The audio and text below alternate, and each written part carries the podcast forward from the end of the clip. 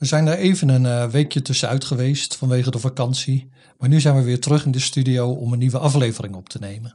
En hebben we er zin in? We hebben er ontzettend veel zin in.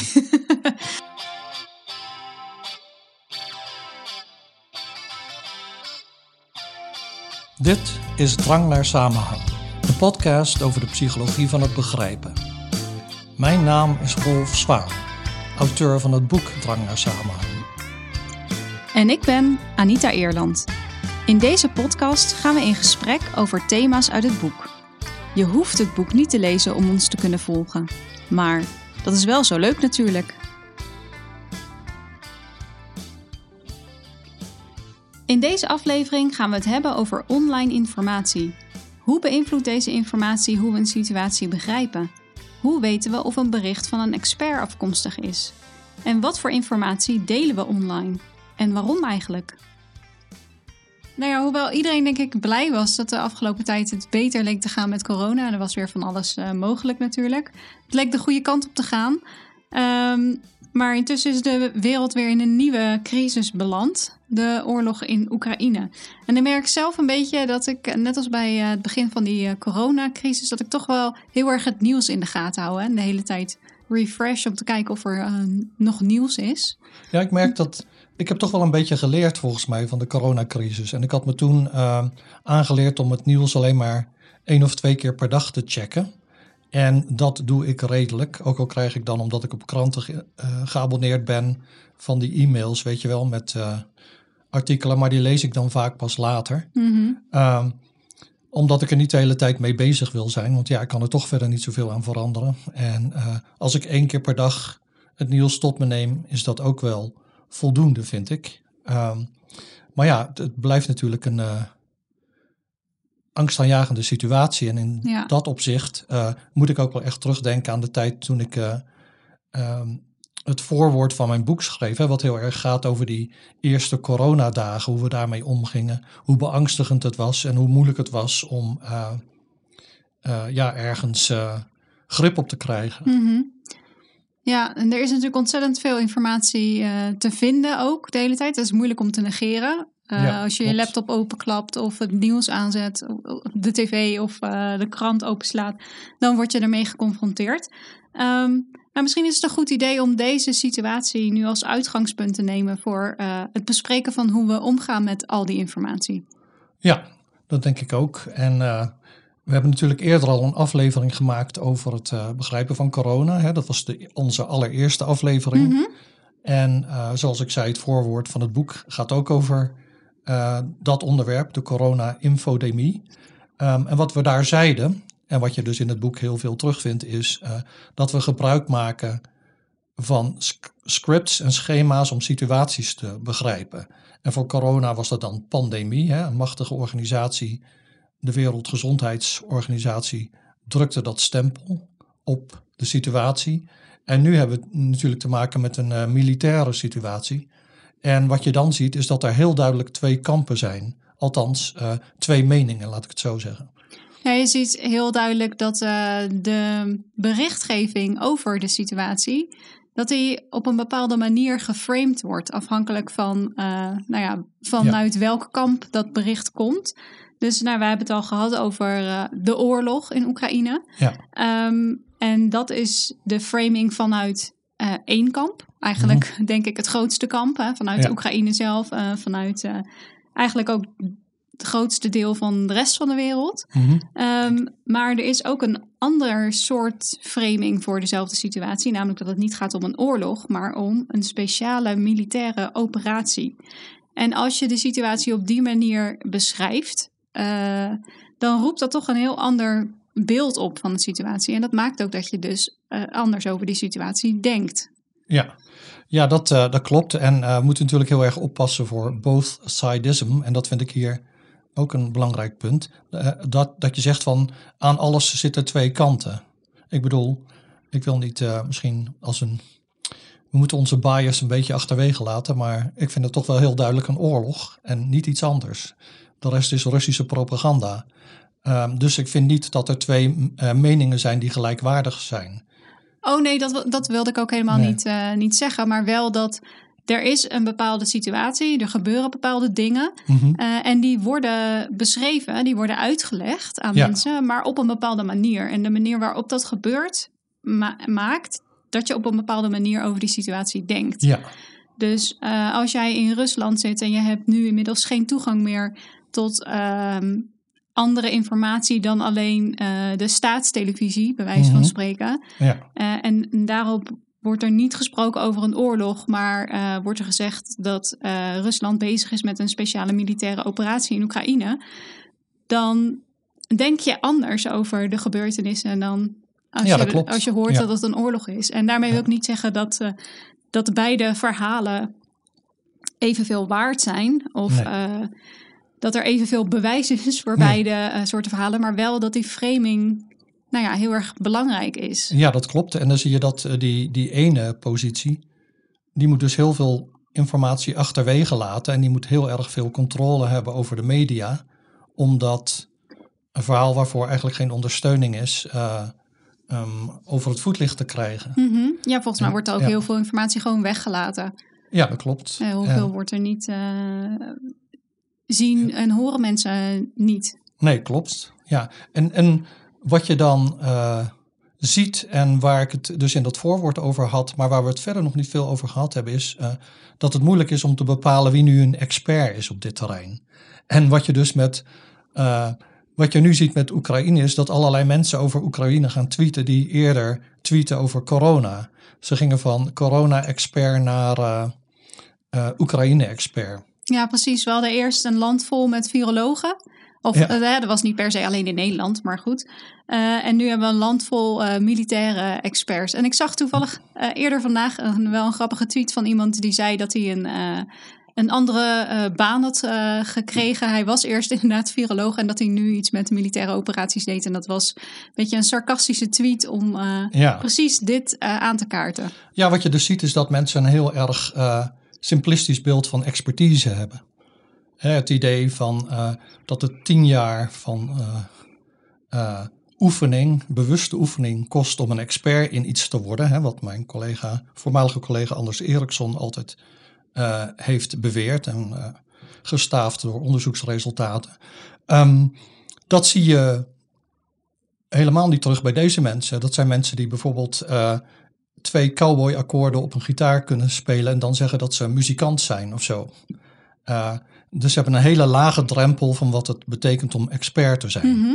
En eh, nou ja, dat zie je dus heel erg op Twitter. En de journalist Jonathan Swan eh, van Axios, die, ja, die had daar een paar dagen geleden een tweet over. En die zei, je moet niet mensen volgen die, die, die dit doen. Want die kunnen namelijk, dat zijn geen experts. Dat zijn gewoon mensen die rotzooi willen trappen, zeg maar. En eh, de vraag is, wie is dan wel een expert? En hij zegt, nou, dat zijn ervaren journalisten die daar eh, zitten in, in Oekraïne. Maar is het dan een goed idee om als je een bericht ziet, bijvoorbeeld op Twitter of op andere eh, social media kanalen, over Oekraïne, waarin iemand bijvoorbeeld zijn mening ventileert of zo, dat je eerst gaat kijken van heeft deze persoon recent ook heel stellig over andere zaken? Ehm, Eh, nou, het, het was, het was meer dat hij eh, had opgemerkt, en later deden andere mensen dat ook, dat je dus ziet dat allerlei mensen switchen van de Ja. ene expertise tussen aanhalingstekens naar de andere, zonder een idee te hebben van eh, ja, hoeveel het eigenlijk vergt om een expert te zijn op een bepaald vakgebied. Mhm. En nu heb ik net een artikel gelezen in een filosofietijdschrift. Het tijdschrift heet Synthese. Het is volgens mij van oorsprong een Nederlands tijdschrift, maar het is nu in het Engels. En ehm, dat gaat over de vraag van hoe bepaal je nu of iemand een expert is in een online, online omgeving. En dat is een vraag die het vakgebied eh, sociale epistemologie eh, bestudeert. Dus sociale epistemologie is, eh, laten we zeggen, theorieën over kennisverwerving in een sociale omgeving. Mhm. En dat is een tak van de filosofie. Dus dit artikel is ook filosofie, wat ook betekent dat het voor mij als uiterst wollig overkwam, als ik heel eerlijk ben. Het was een beetje een Ja, daar ben je geen- om het te lezen. Daar maar, ben je geen expert in, hè? Lezen nee, van nee. dit soort artikelen. Nee, nee, maar ze, ja, ze citeren heel veel eh, psychologieonderzoek. Ehm, maar de manier waar- waarop het geformuleerd is, is eh, niet bepaald gestroomlijnd. Dus uh, het is dat ik zoveel van deze podcast hou, maar dat was een beetje een kwelling. Maar goed, die auteur die heeft uh, twee claims. Dus hij zegt, uh, ja, het probleem met informatie zoeken in een online omgeving is dat die online, online omgeving zo anders is dan de werkelijke omgeving, hè, de offline omgeving, zeg maar. En wij hadden het daar natuurlijk in de vorige aflevering ook al over. Je mist alle sociale cues. Um, ja, in interacties. Met, in, met, en ja. interacties. En uh, dat maakt dat je op andere dingen gaat letten om te bepalen of iemand betrouwbaar is of niet. Um, en uh, dan is er nog een ander aspect aan de, een online omgeving. Dat is dat hij zegt dat die uh, tegenstrijdig is. Je krijgt allemaal tegenstrijdige berichten. En mensen zijn eigenlijk bezig om elkaars kennisverwerving te verstoren. En dat heb je in een online, offline omgeving niet echt. Um, als jij bijvoorbeeld, uh, laten we zeggen, naar de garage gaat omdat er een probleem is met je auto en je vraagt wat het is, dit en dat, dan is het niet zo dat allerlei mensen misinformatie gaan spuien terwijl jij die informatie krijgt van de, van de monteur, zeg maar. En, uh, uh, maar dat is dus in een online omgeving wel. En een ander probleem is dat in een online omgeving heb je niet alleen wetenschappelijke tijdschriften, hè, waar wij dan naar zouden kijken, maar je hebt ook, nou ja, krantenartikelen, columns en blogs van mensen die van alles beweren. En voor de gemiddelde internetgebruiker is dat gewoon één soep van informatie. En hoe haal je uit de soep uh, de. Ballen. Ja, nou eten wij, nou eten wij geen vlees, maar goed. Vegetarische ballen. Vegetarische ballen waar je wat mee kan. Dat is zo'n beetje het idee. Ja, ja en, dus die zien dat gewoon als allemaal verschillende platforms waarop informatie wordt verspreid. Maar mm -hmm. dat er um, toch enige mate van kwaliteitscontrole is bij um, wetenschappelijke tijdschriften. En niet ja. bij bijvoorbeeld een blogpost. Iedereen ja. kan, kan, kan blogs beginnen ja. en schrijven wat ze willen zonder dat iemand de kwaliteit daarvan of de betrouwbaarheid controleert. Dus dat, eh, als je dat niet weet, dan is het moeilijk om dat onderscheid te maken. En dan lijkt alle informatie even uh, belangrijk. Ja, ja dat, in ieder geval, dat zou zo kunnen zijn. Ja. En die auteur zegt, uh, nou ja, wat, waar we door, dan naar op zoek zijn, is een ander soort expert. En hij maakt een onderscheid tussen wat hij noemt preventieve experts en coöperatieve experts. Um, een preventieve expert is iemand die uh, zijn of haar mening als ex exclusief presenteert. Hè? Dus uh, bijvoorbeeld, nou, dit is er aan de hand met jouw auto. Of uh, dit is de stelling van Pythagoras. Of dit, dit, dit, is het beste hout om een boekenkast mee te maken. Dat soort dingen. Mm -hmm. En dan heb jij als leek, als jij dus informatie zoekt, heb jij niet per se zelf een, een mening zo van ik wil per se eikenhout gebruiken en ik hoor wel wat die Timmerman zegt, maar als die, ik zeg, weet ik veel, essenhout zegt, dan doe ik dat toch lekker niet of zo. Want waarom zou je dan om advies gaan vragen? Um, dus als je een preventieve expert om advies vraagt, dan heb je zelf eigenlijk geen vooropgestelde mening of wat dan ook. En je neemt wat die persoon zegt voor uh, als waar aan. Ja, bijvoorbeeld als je naar de huisarts gaat of zo. Je hebt ja. niet van tevoren al gegoogeld wat je mogelijk zou kunnen hebben.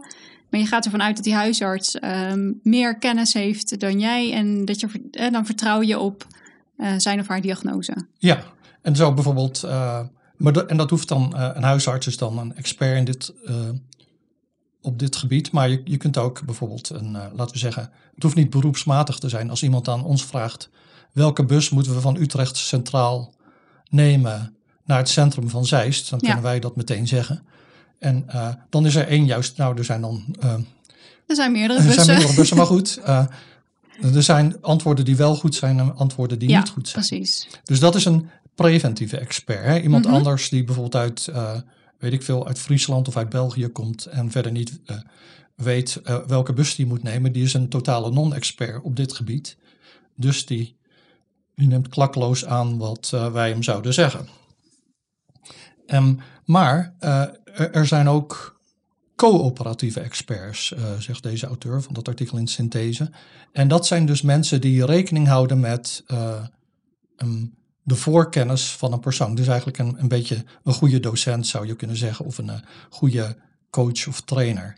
Hè, dus dat is niet iemand die jou eens even de waarheid gaat verkondigen, maar die rekening houdt met wat jij. Um, wat jouw mening is, wat jouw kennis op dat punt is, en dan met jou in conversatie gaat. Um, en dan, als jij zo'n expert raadpleegt, is het ook niet zo dat jij jouw mening volledig terzijde schuift. Het is dan zo dat jij uh, uh, wat die persoon zegt weegt tegen, tegenover wat je, wat je zelf denkt. Hè? Dus, uh, oh, ik wilde eigenlijk die auto kopen, maar nu, nu zegt die persoon, die auto is zuiniger. Oh ja, dat is wel zo, maar vind deze toch mooier, of weet ik veel wat.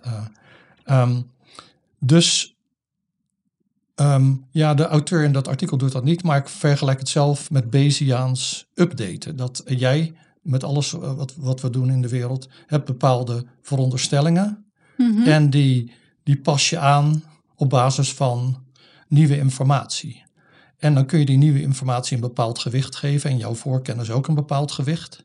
Als je bijvoorbeeld geen voorkennis hebt, zoals ik zou hebben met de boekenkast, ik geen idee welk hout het beste zou zijn, dan uh, zet ik mijn kennis, voorkennis op nul. En dan neem ik gewoon aan eh, wat de timmerman zegt voorwaar aan. Ja. Gaat het over iets waar ik dan wel verstand van heb, denk te hebben, dan geef ik mijn eigen voorkennis meer gewicht en dan pas ik uh, wat die expert zegt daarin. Uh, dat is dus geredeneerd vanuit mij, zeg maar, als consument. Maar, maar vanuit de expert geredeneerd is het dan zo dat als je dus een coöperatieve expert wil zijn, dan moet je dus rekening houden met de voorkennis van mensen en niet zomaar um, wat gaan uh, uh, stellig gaan beweren. Dus het voorbeeld uh, dat in dit artikel gegeven wordt, is van klimaatverandering. Als je dus bijvoorbeeld zou zeggen, wat volgens mij waar is, van 97% van de wetenschappers is het ermee eens dat klimaatverandering echt is. Mm -hmm. Maar als je dat dus in een discussie met klimaatskeptici uh, debiteert, dan kan dat averechts werken. Want wat je eigenlijk uh, moet doen is, uh, je moet eigenlijk er rekening mee houden dat, dat mensen al bepaalde vooropgestelde meningen hebben. En die moet je, daar moet je mee in discussie gaan. Want als je gewoon dus preventief zegt, 97% is het ermee eens, dus zo is het. Dan ja, dan, dan presenteer je de consensus wel. Maar eigenlijk is je conversatiepoging een mislukking geworden. Want uh, je, je sluit zo jezelf af voor discussie. En die persoon gaat je dan alleen maar wantrouwen. Zegt dus deze auteur. Hè? Dus dat een coöperatieve expert is iemand die denkt van waar komen deze mensen eigenlijk vandaan hè, in hun denken. Mm -hmm. En hoe kan ik ze ervan overtuigen dat dit een betere manier is om de situatie te zien. En uh, zo zou je dat dus ook bijvoorbeeld in de Oekraïne-discussie kunnen doen. Um, dus nou ja, als je er rekening mee houdt dat uh, veel Russen bijvoorbeeld zich vernederd voelen. Hè, de Sovjet-Unie is uit elkaar gevallen. Um, uh, er zijn talloze dopinggevallen in de sport. ze worden overal geboycott. Dus hun nationale trots is in het geding.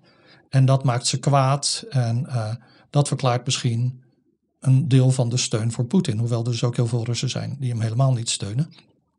Nou ja, en die propaganda ja. waar we het eerder over ja, hadden natuurlijk. Precies, ja, helpt, precies. helpt ook niet. En die speelt dan in op die, uh, dat minderwaardigheidsgevoel eigenlijk. En ik durf te wedden dat uh, de mensen in Nederland die uh, dan Poetin steunen... ook een beetje dat minderwaardigheidsgevoel hebben. Zich gekrenkt voelen op de een of andere manier. En dit is dan hun manier om dat te uiten. Um, maar dan zou het dus beter zijn voor, laten we zeggen, experts om daar op een andere manier mee om te gaan, om hier rekening mee te houden, uh, en, volgens deze auteur. Het lijkt me trouwens wel heel lastig nu als expert, omdat je soms echt wel weet dat jij een expert bent op een bepaald gebied. Ja.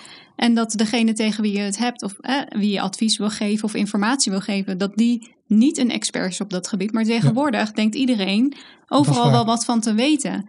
Um, dus dat, dat betekent waar. dat je eigenlijk als expert, ook al ben jij echt de expert en iemand anders niet, dat je toch altijd rekening ermee moet houden dat die ander al informatie heeft opgezocht, al zijn eigen mening heeft ja. gevormd. Ja. Dus ik vraag me af, of het aantal gevallen waarin je als expert iemand tegenkomt die echt jouw advies aanneemt, omdat ze vertrouwen op jouw expertise, of, of dat soort situaties niet gewoon veel minder is ja, geworden? d- dat denk ik wel. Dus, eh, en vooral dus in een online omgeving. En daarom eh, komt deze auteur dus ook met het idee van een coöperatieve expert, omdat een preventieve expert vaak averechts werkt in deze omgeving. Lijkt me wel moeilijk hoor. Ja. Als je weet dat jij een expert bent, maar je moet toch altijd rekening houden met de mening van mensen die minder expertise hebben op een bepaald gebied. Ja, ik zou ook niet zeggen dat ik daar zelf bijzonder goed in ben. Maar eh, het, is wel, het is wel beter omdat eh, ik ben daar zelf veel te ongeduldig voor. Dus eh, mij zou dat zo'n rol niet liggen. Maar ik denk wel, meer als ik daar afstand even van neem, dat het wel effectiever is als je dat wel kunt. Oh, dat denk Ja. ik ook. Ja, kennelijk is de wereld nu eh, zo dat je eh, op deze manier meer bereikt. Ja, En dan is het goed om te weten dat je dat eh, op die manier moet doen. ja, ja precies. Dat, dat denk ik wel. En daar zouden dus mensen misschien meer getraind in moeten worden. Althans, dat is het, eigenlijk het idee van, van deze auteur. Maar het, het gaat erom, dus ook om hoe meet je dan de betrouwbaarheid van zo'n coöperatieve expert. Als je het hebt over de offline omgeving en je beoordeelt experts, dan kun je kijken naar hun credentials. Hè. Ehm, hebben ze ergens een, een boek over geschreven of artikelen in tijdschriften die eh, door andere wetenschappers zijn eh, beoordeeld. Mhm. Ehm, eh, dat soort dingen. Maar in een online omgeving heb je die informatie vaak niet. En er kan natuurlijk ook, da- daar kan ook natuurlijk eh, misbruik gemaakt worden. Er kan misinformatie verspreid worden over de credentials Ja.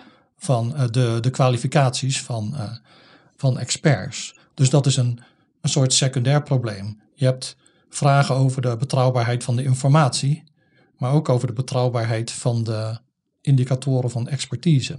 Nou ja, wat, wat zegt dan deze auteur? Hij zegt, eh, omdat mensen dus niet gebruik kunnen maken van directe informatie, hoe iemand spreekt, hoe die persoon zich gedraagt en zo, eh, moeten ze gebruik maken van, en ook niet van, eh, eh, nou ja, laten we zeggen, wetenschappelijke informatie, moeten ze gebruik maken van andere cues.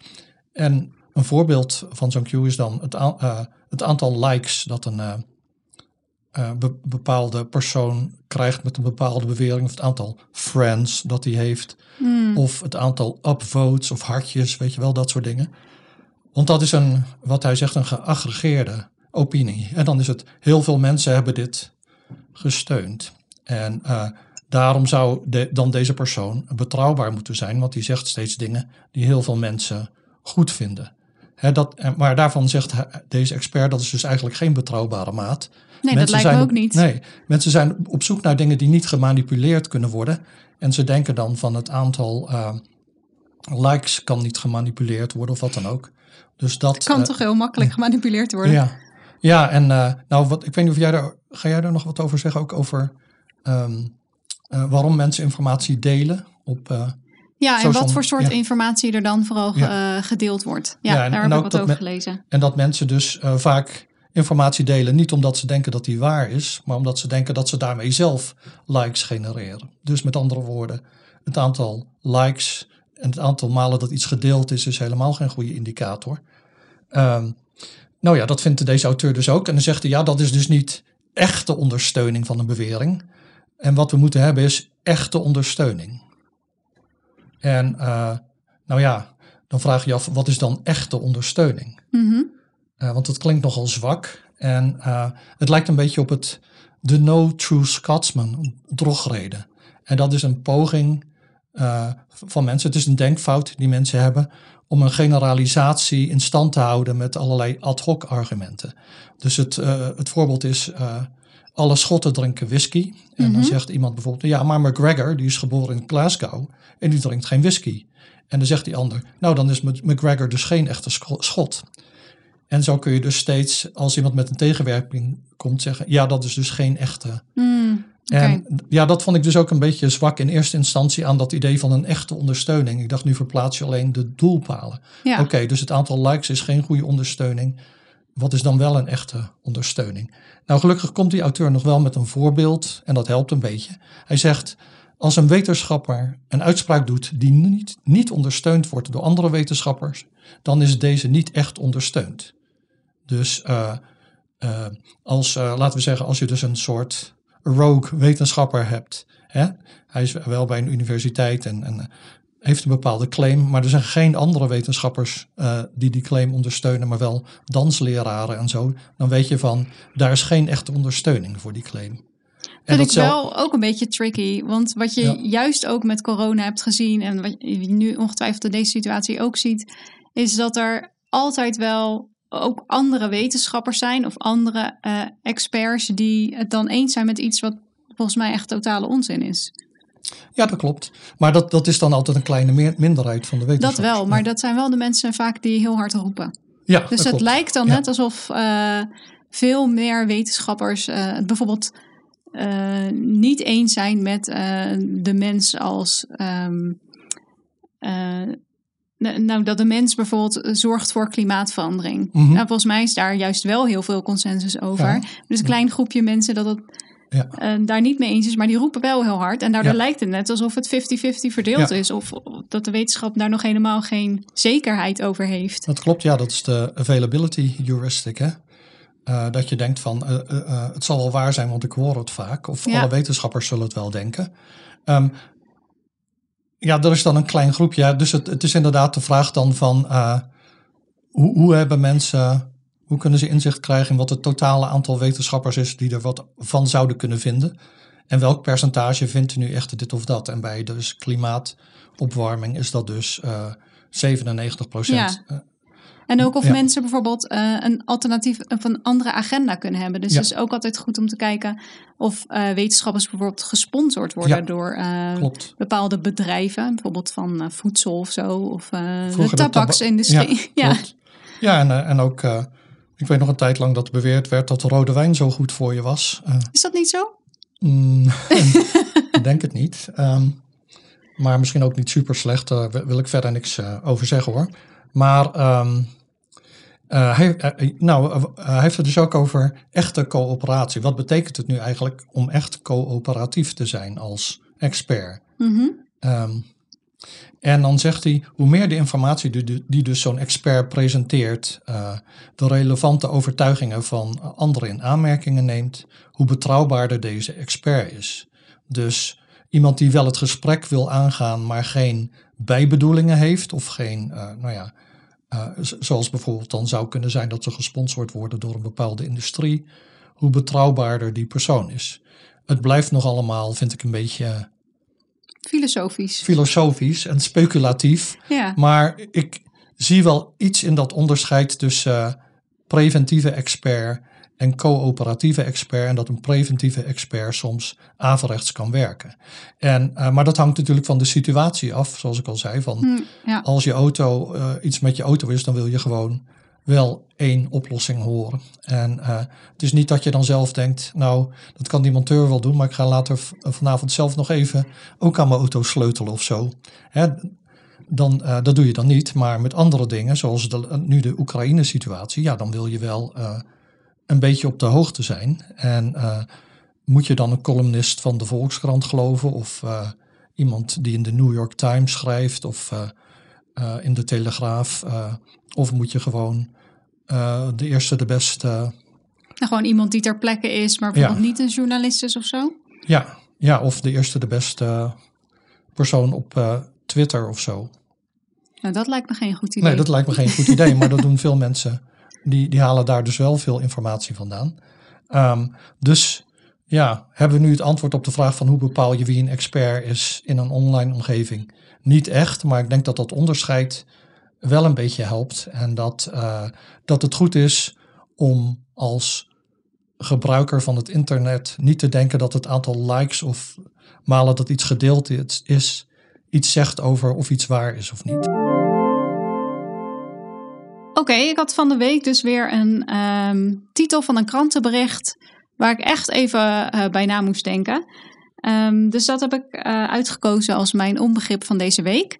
En de titel was uh, Minder camera's tijdens eredivisiewedstrijden na ongeregeldheden Vitesse. En dat ging over allerlei problemen die er waren -hmm. bij de wedstrijd Vitesse-Sparta. En toen ik de kop las, toen dacht ik, hè, maar als, je, als er zoveel ongeregeldheden zijn, dan wil je toch juist meer camera's en niet ja. minder. Want Mhm. ik dacht meteen, en er zat ook zo'n foto bij van uh, mensen op de tribune die, uh, nou ja, waar een opstootje was of zo. Ja. Dus ik dacht, ja, die camera's in die stadions, die heb je natuurlijk om de mensen een beetje in de gaten te houden. Dat als er iets gebeurt, dat je dan achteraf kan uitzoeken wie dat waren. En Ja, uh, dat je ze een stadionverbod kan opleggen of zo. Dus ik dacht, ja, als dat meer uit de hand gaat lopen, dan heb je meer camera's nodig, niet minder. En toen bleek dus uh, later, want ik, ik dacht, wilde natuurlijk wel weten hoe dat dan zat, Mm -hmm. dat het erom ging dat, um, dat cameramensen die uh, niet op het veld, maar rond het veld uh, de wedstrijd filmen, zodat wij dat thuis allemaal kunnen zien, ja. dat die um, op, uh, of in ieder geval één, geloof ik, tijdens die ongeregeldheden op een onveilige plaats zat. Mm -hmm. Uh, en dat er daardoor allerlei andere cameramensen waren die zeiden: Nou, bij de komende wedstrijden willen wij niet op die uh, positie zitten, of misschien ook op bepaalde andere posities. Dus dat leidde ertoe dat er uh, van Ja. de wedstrijden die nog zouden komen, minder mensen waren die camerabeelden, camera's zouden besturen om beelden voor ons op te nemen. Dus daarom minder camera's. Maar ik vond het, ik vond Ja. het opvallend. En Ja, ik weet niet helemaal waar het misverstand vandaan komt. Maar één aspect ervan is in ieder geval dat jij dus de camera's had geïnterpreteerd als dingen die het publiek filmen. Die mogelijke misstanden filmen. Terwijl ze eigenlijk dus opname maken van de wedstrijd. En dat is Ja. eigenlijk heel stom, want Nee, uh, helemaal we niet. kijken vrij veel uh, sport en Ja. ook uh, wel redelijk wat voetbal. En die beelden moeten toch ergens vandaan komen, maar dat Ja. ik dan niet bedenk dat er ook iemand moet zijn die die beelden voor ons maakt. Nee, maar ik bedoel, ik vind het juist volkomen logisch. Want uh, je associeert camera's met ongeregeldheden. Meer dan met. Uh, bev- dan denk je eerder aan beveiligingscamera's. Uh, dus ik denk dat het eigenlijk wel vrij logisch is dat je in de context van voetbal, als we het hebben over camera's, eerder denkt aan beveiligingscamera's. Vooral in de huidige context, waarin er weer veel meer ongeregeldheden zijn dan voor corona. Maar niet Ja. dan aantal decennia geleden. Um, ik heb ook een sportgerelateerde. Dus geen, we hebben dus deze rubriek heet onbegrip van de week on tussen haakjes. Want soms hebben we ook een begrip. Maar ik heb nu uh, een serie onbegrippen en die hebben allemaal te maken met uh, schaatsen. Ah. We hebben natuurlijk de Olympische Spelen gehad en de WK Allround. En uh, dan zag ik nog steeds dat mensen dan mee zitten te schrijven met rondetijden. Mijn vader deed dat ook altijd. Ik moest als kind altijd heel stil zijn dan. Uh, want hij schreef dan op, uh, weet ik veel, 33-6 en het volgende rondje 3. Maar ik vroeg me altijd af, what's the point? Um, nou, nu sprak ik nog geen Engels als. Heb je niet tegen je vader gezegd? nee, nee, nee, maar in de krant, de krant had van die tabellen waar je dus dan die dingen kon invullen. Uh, maar ja. Ja, dus hij zal wel niet de enige zijn nee, geweest nee. die en dat mensen dan doen deed. dat dus nog steeds, maar ik snap gewoon echt niet waar dat nuttig voor is. Want je ziet uh, aan het eind toch uh, hoe snel iemand is gegaan. En ze, ze noemen elke keer de rondetijden. Dus wat heb je eraan? Maar goed, uh, zo erg ben ik ook niet into schaatsen. En iets anders wat me dan opvalt is, uh, als kind al, dat als ze dus voor de start, dan zeggen ze altijd ready. Mhm. En dat klinkt alsof ze dat zeggen met een Noorse accent of zo. Maar ik vraag me af, zeggen ze ook echt ready? En uh, waarom moet dat op die manier gezegd worden? Is dat deel van de regels? Of is het zo dat die starters altijd Scandinaviërs zijn of zo? Nou, daar, daar weet ik wel een klein beetje iets over. Eh, en dat had te maken met wat. ehm, oh, nou ben ik even vergeten wie dat was. Maar bij de Olympische Spelen. Die bij de start een beetje wegreed. En daardoor zo'n slechte eh, race had geschaatst. Mhm. Wie was dat ook weer? Bij de mannen. Uh, nou, Oh, weet ik even niet. Kunnen we dat er later in plakken? Ja, nou laten we Nou, zeggen anders- voorbij of zo. nee, die, Oh. die was het niet. Oké. Ehm, maar goed. eh, en- Otterspeer. Dat denk ik, ja. Ja. En die, ehm, dus die zei, ja, ik gleed eigenlijk weg en daardoor had ik geen goede start. En ik had dus eigenlijk om een nieuwe start moeten vragen op het moment dat degene die dan schiet, eh, ready. Ja. Want kennelijk is dat dus echt wel een vraag aan de schaatsers Mhm. of zij goed staan en kunnen gaan. Dus dat verklaart denk ik wel deels de intonatie. Dat het, Oh, omdat dat je het een langer moet rekken is. of zo. Dat je daarom zegt ready in plaats Nou van... ja. zo overdreven is het nou nee, nou ja, maar goed. Eh, een beetje Maar dat je niet zegt ready, Nee. maar dat je het op, meer op een Uiteraard, vragende ja. manier eh, zegt. Oh, er zit wel wat in. Goed Dus punt. eh, Ja. ik wist dat eerst ook niet, maar heb ik geleerd van Ja. otterspeer. Oh, nou heel goed. Heel goed. Maar je had nog Dan- iets volgens Dan mij. ben ik daarmee geholpen. Ja, het grootste raadsel met schaatsen vind ik altijd die bel na de 100 meter op de 500 meter. Ding, ding, ding, ding, ding. Ja, we zijn net begonnen. We En dan, net begonnen. ja. Het is toch niet dat je dan daar rijdt en denkt... oh, fijn dat ze even zeggen dat ik nog maar 400 meter hoef. En eh, ik was net van plan nog 25 rondjes te schaatsen. Ik bedoel, je weet toch dat je nog één rondje moet. Het is maar één rondje plus een stukje. Dus ik vind dat eh, ook heel raar aan schaatsen. Voelt een beetje overdreven, hè? Ja, Maar ja, ze hebben waarschijnlijk gewoon afgesproken bij het laatste rondje een belletje. En ook als, het, als de afstand maar heel kort is. Ja, ja, het voelt een beetje redundant in ieder geval. Maar goed, eh, dat zijn dus eh, wat van die raadsels die ik had naar aanleiding van het, eh, of in ieder geval onbegrippen naar aanleiding van het schaatsen. En je hebt er één weggenomen, dus dank daarvoor. En nu hebben we het voor onbegrip van de week gehad over eh, ehm, de vele nieuwsberichten die er zijn over Oekraïne. En ook wel in andere situaties dat we soms worden overspoeld met informatie. En eh, dat we die tot ons nemen omdat we een situatie willen eh, begrijpen. Dat Mhm. heel veel van die informatie ook online is. En je had het al een beetje eh, aangekondigd, maar ik heb twee artikelen gelezen over onderzoek naar ehm, wat voor soort online berichten er nu vooral gedeeld worden Mhm. online en waarom we dat eigenlijk doen.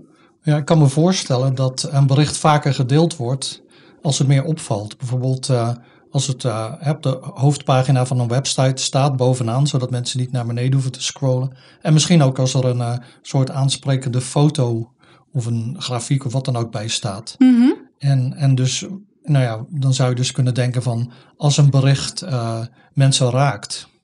Ja, ja dat, dat lijkt inderdaad zo te zijn. Dat Mhm. berichten met een emotionele inhoud, ehm, dat die vaker gedeeld worden dan eh, niet-emotionele berichten. Mhm. En ehm, nou, de onderzoekers van het artikel dat ik heb gelezen, eh, dat waren Ber- Berger en Milkman, of Burger en Milkman. Ehm, die eh, zeiden ja, mensen denken ook dat vooral berichten die negatieve emoties oproepen, dat die vooral gedeeld worden. Mhm. Meer dan berichten die positieve emoties oproepen. Maar ze zeggen, ja, dat nemen we aan, maar dat weten we eigenlijk niet vanuit onderzoek. Nee. Er is wel onderzoek naar gedaan, maar die conclusie dat negatieve berichten vaker gedeeld zouden worden dan positieve berichten, is gebaseerd op onderzoek, Ja. waarbij er eigenlijk alleen gekeken is naar wat voor soort berichten komen mensen tegen. En niet naar wat voor soort berichten delen mensen ook. Maar Ah, dus ja, waar worden mensen aan blootgesteld? En dat is natuurlijk wel eh, echt wat anders. Dus zij zeiden, ja, we weten het eigenlijk niet. Laten we daar zelf eens onderzoek naar gaan doen. En wat ze hebben gedaan, dat vond ik eigenlijk wel leuk, is eh, ze hebben gekeken naar bijna 7000 berichten uit de New York Times, die Mhm. in een bepaalde periode zijn verschenen online. En daarvan hadden zij informatie over hoe vaak die berichten gedeeld waren. Dus ze Ja. hebben een soort database gemaakt van al die berichten. En hebben ze per bericht ehm, op verschillende manieren gekeken. Nou, is dat een emotioneel bericht of niet? Mhm.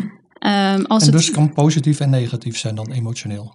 Ja, dus Ja. ze hebben eerst onderscheid gemaakt tussen eh, emotie of niet. Ja, en dan ja. hebben ze binnen emotie gekeken, is het dan positief of negatief? En ehm, dat hebben ze allemaal met een automatisch eh, programma gedaan. Ja. En dat is eh LIWC. Dat Ja. was ook nog een leuk onbegrip geweest voor mij, maar eh, Ja, dat dat eh, durf ik eigenlijk niet te vertellen. Dat vind ik mijn favoriete onbegrip van de week voor jou. Ehm, ja, dat er een computerprogramma is waarmee eh, je automatisch teksten kunt analyseren. En dat heet, nou ja, in het Engels, dus een Amerikaans programma, LIWC. En wij noemen dat in het Nederlands LIWC. Dus wij hadden dat er wel eens over eh, met andere onderzoekers. Maar jij kende het nog niet. Ik kende het helemaal niet en ik hoorde alleen maar LIWC. En ik dacht, wie is toch die Ellie? Die ken ik helemaal niet. Maar goed, eh, toen zag ik op een gegeven moment in een artikel de afkorting staan. En toen dacht ik, oh shit, Ja. het is dus een computerprogramma. Dit is Ja. de afkorting. Het heeft helemaal niks met een of andere Ellie te maken. Nee. Maar goed, ehm, deze mensen hebben dat programma dus gebruikt voor die automatische Ehm, scan eigenlijk van, van die berichten. En ze hebben ook mensen zelf berichten laten eh, lezen. En dan moesten ze aangeven welke specifieke emotie dat bericht eh, bij ze opriep. Ja. Omdat deze onderzoekers ehm, dachten dat ehm, niet alleen eh, de, de emotie die je- dus of een bericht emotie oproept, Mhm. dat dat voorspelt of een bericht gedeeld wordt. Maar ze dachten ook dat het misschien te maken had met de specifieke emotie. Ja. En ehm, zij waren in het bijzonder geïnteresseerd in ehm, in hoeverre een bericht arousal opriep. Dus in hoeverre je door dat bericht een bepaald gevoel krijgt van actiebereidheid. Dat, Dat je geagiteerd raakt. Precies, dat je Ja. iets wil gaan doen. Zij dachten, kijk, bepaalde emoties roepen dat meer op dan andere. Mhm. Dus bijvoorbeeld als je kijkt naar negatieve emoties, dan heb je ehm, eh, boosheid en angst en verdriet bijvoorbeeld. Dat zijn alle drie negatieve emoties. Ja. Maar boosheid en angst roepen veel arousal op Ja. en verdriet eigenlijk niet. En, en, en boosheid ehm, is ook naar buiten gericht. Mhm. En angst is meer, eh, en vooral verdriet is meer naar binnen gericht. Hè? Dus daar zit ook nog wel onderscheid. Hebben ze daar ook nog naar gekeken? Nee, daar hebben ze Nee. verder niet naar gekeken. Dus ze hebben gekeken naar positieve en negatieve Ah, emoties. En dan vooral binnen negatieve emoties hebben ze Hm. gekeken naar eh, de mate van arousal die een bepaalde emotie opriep. Omdat zij dachten, als je meer arousal hebt, hè, dus Ja. meer het gevoel hebt van ik, ik wil in actie komen, Mhm. eh, dan zou je misschien ook eerder eh, berichten gaan delen. Ja, oké. Dus dat is nou ja, een hypothese die ze hebben onderzocht. En ehm, nou zou je kunnen, kunnen zeggen dat jij zei al aan het begin van eh, ja, als een bericht op de voorpagina staat, dan valt die meer op en dan Ja. delen mensen misschien ook meer. Nou, voor dat soort dingen, daar hebben ze allemaal rekening mee gehouden. Oké. Dus de resultaten gaan echt alleen over emotie en, Mhm. en arousal. Nou, wat de onderzoekers vonden, ehm, was eigenlijk wat ze ook hadden verwacht. Dus eh, berichten met een emotionele lading Mhm. werden meer gedeeld dan berichten zonder emotionele lading. En eh, als die lading positief was, werden berichten vaker gedeeld dan als ze negatief Hm. waren. Ehm, en dan voor die eh, arousal vonden ze dat inderdaad als een emotie gepaard ging met meer arousal, Mhm. dat zo'n bericht ook vaker gedeeld werd. Dus een verdrietig bericht werd minder vaak gedeeld dan een bericht dat boosheid of angst opriep. Ja, ja. Oh ja, dat, eh, dat begrijp ik dan wel. En het is, ehm, en dat- haakt dan ook een beetje in, denk ik, op eh, waar we het eerder over hadden, dat ehm, mensen dus vaak berichten delen, niet omdat ze denken dat de boodschap daarin waar is, maar omdat ze denken dat ze daarmee zelf ook weer likes genereren, omdat het bericht eh, dus arousal opwekt op de een of andere manier. En dat kan dus dan positief en negatief zijn. En dat positieve verklaart natuurlijk ook waarom we op bijvoorbeeld Twitter of Facebook zoveel eh, eh, berichten over puppies eh, en eh, penguins en zo zien. Ja. Ja, dus in tegenstelling tot we, wat mensen misschien intuïtief denken, dat we Hmm. negatieve dingen meer delen, vinden we het juist fijner of belangrijker om inderdaad positieve berichten te delen. En dat hebben ze in een, in een andere paper van Burger, dezelfde als van het vorige paper. Eh, heeft, die hij heeft eh, onderzocht inderdaad, als je mensen in een bepaalde staat brengt, Mhm. of ze dan meer berichten gaan delen. Dus eh, dat andere was kijken naar de berichten en wat we weten van hoe vaak ze gedeeld worden en of we dat kunnen voorspellen aan de hand van de inhoud van die berichten. Mhm. In die andere studie heeft hij dus een experiment gedaan waarbij die mensen, ehm, ja, in, hij zorgde ervoor dat een bepaalde emotie werd opgewekt bij die mensen. En die emotie was ofwel positief of negatief, ofwel veel of weinig arousal. Mhm. En dan vervolgens kregen mensen een, een nieuwsvideo te zien en een nieuwsbericht te lezen. En dan de video en het bericht waren neutraal qua emotie. Dat vind ik Mhm. altijd een beetje lastig, want dan denk ik, wat is nu neutraal? We vinden eigenlijk overal wel wat van. Ja. Dus dat lijkt me moeilijk. Ehm, en daarna moesten mensen dus aangeven in hoeverre ze geneigd waren om dat bericht te delen met hun familie of vrienden of Mhm. collega's. En uh, dan vond, vond deze onderzoeker inderdaad dat mensen meer geneigd zijn om berichten te delen als ze meer arousal voelden. Ja. Dus dat was belangrijker dan of de emotie die ze voelden positief of negatief was. Ja, nou dat, dat lijkt me ook een, uh, belangrijk om dat terug te koppelen dan naar die discussie over expertise. Want dit geeft dan eens te meer aan dat je dus niet het aantal likes of het aantal malen dat iets gedeeld is, moet beschouwen als een uh, indicator voor de betrouwbaarheid van een bericht of van een persoon. En ja, we zitten nu natuurlijk nog aan het begin van die uh, oorlog in de Oekraïne. Het, of in ja, dat vrees ik ook. Ja, dus geen idee hoe dat verder gaat. En uh, je leest er natuurlijk van alles over voorbeschouwingen die gemaakt worden door militaire experts en historici die gebruik maken van analogieën. Ik las uh, eerder vandaag nog een column waarin dan soms verwezen werd naar de Eerste Wereldoorlog en dan weer naar de Tweede en dan naar het einde van de. wanneer Khrushchev werd afgezet en dat soort dingen. Um, en dat zie je dus nu. Maar die, die auteur van, van die column, en het, het is een wetenschapper, die, die geeft wel aan dat we in een grote periode van onzekerheid leven. Hij is dus helemaal niet stellig. Hij komt gewoon met uh, een aantal analogieën. En ik denk dat dat ook een, een kenmerk is van een, uh, een coöperatieve expert. Dat hij dus erkent van in deze situatie heeft niemand de wijsheid in pacht. Niemand weet precies wat er gaat gebeuren.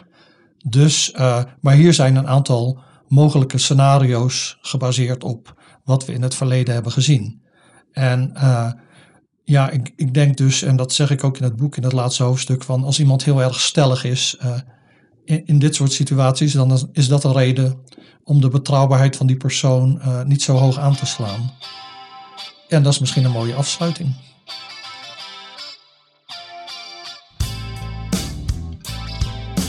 Vond je dit een leuke aflevering? Abonneer je dan. Op Twitter en Instagram zijn wij te vinden als Drangkast. Je kunt ons ook mailen via drangkast.gmail.com. Een beoordeling met 5 sterren helpt nieuwe luisteraars onze podcast te vinden. Behoefte aan meer drang naar samenhang? Ga dan naar de boekwinkel of bestel het boek online via www.boompsychologie.nl slash drang naar samenhang. De hoofdstukken die aansluiten bij deze aflevering vind je in de show notes. Tot de volgende drang. Drang naar Samenhang is een podcast van Rolf Zwaan en Anita Eerland. Montage door Rolf Zwaan. Muziek geschreven en gespeeld door Rolf Zwaan.